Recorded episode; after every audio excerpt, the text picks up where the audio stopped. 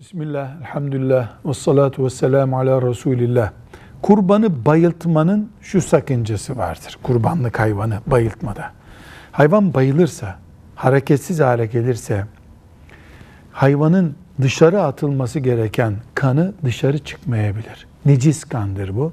Bu sefer kesilen hayvanın kanı bedeninde kaldığı için eti caiz olmaz. Bu sebeple bayıltma yöntemiyle hayvanın kesilmesini caiz görmüyor fukahamız. Velhamdülillahi Rabbil Alemin.